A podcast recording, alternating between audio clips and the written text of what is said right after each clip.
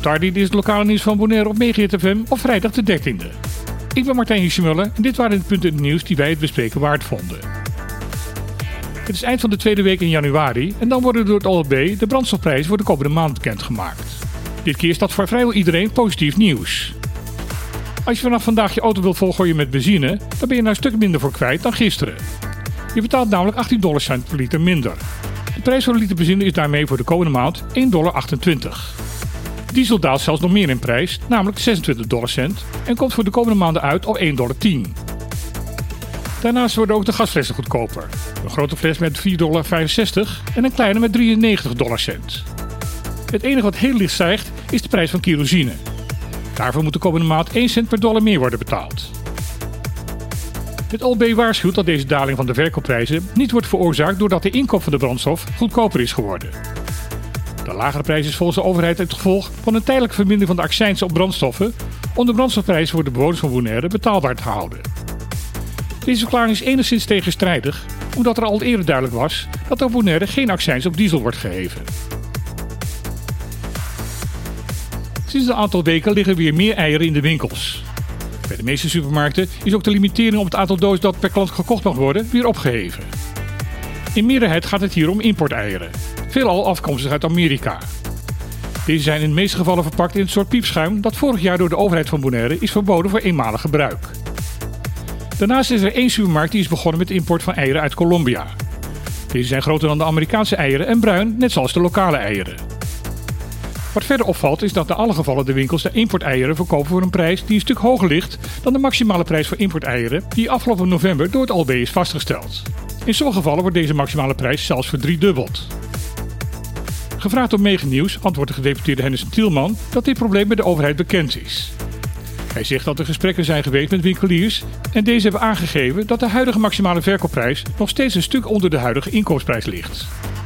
In zijn antwoord zegt Tielman dat het bestuurscollege waarschijnlijk komende week een besluit zal nemen om de maximale verkoopprijs voor importeieren wederom te verhogen. Op vrijdag 27 januari zal koning Willem-Alexander, koningin Maxima en prinses Amalia een rondreis van twee weken beginnen langs de Nederlands-Caribische eilanden. Het bezoek zal een aanvang krijgen op Bonaire. Op vrijdagmiddag zal gezaghebber Edison Reina het koninklijk bezoek verwelkomen bij aankomst op Flamingo Airport.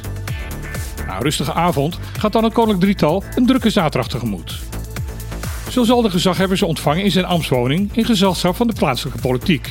Worden de slavenhuisjes bezocht, bezoekt men bij Magazine de Rij het maandelijks culturele evenement Nocilea, wordt er gelust bij Arawak, is er een surfdemonstratie en een boottocht bij Sorbonne en wordt er s'avonds de culturele markt Taste of Bonaire bezocht.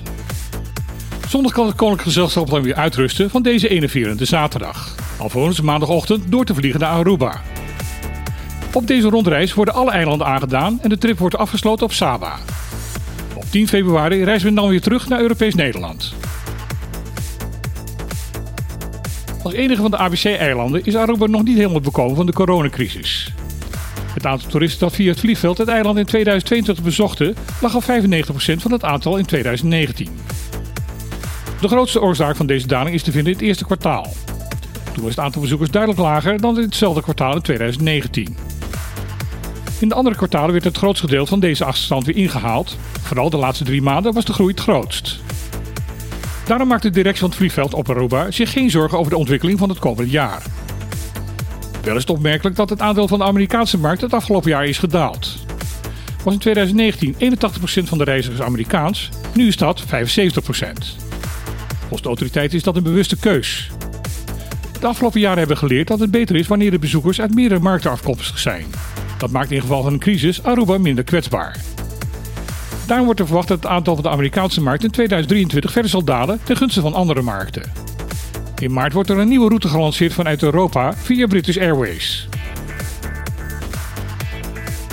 Dit was het lokale nieuws op Megahit FM van vandaag. Morgen is op deze zender van 12 tot 2 op te klippen. Wij ontvangen dan Lisette Keizer, directrice van het MBO Bonaire, kunstenares Lisette Mol, vertegenwoordigers van Right of the Roses en Bond Doet. Als je daarna gaat luisteren, graag tot morgen en anders tot maandag.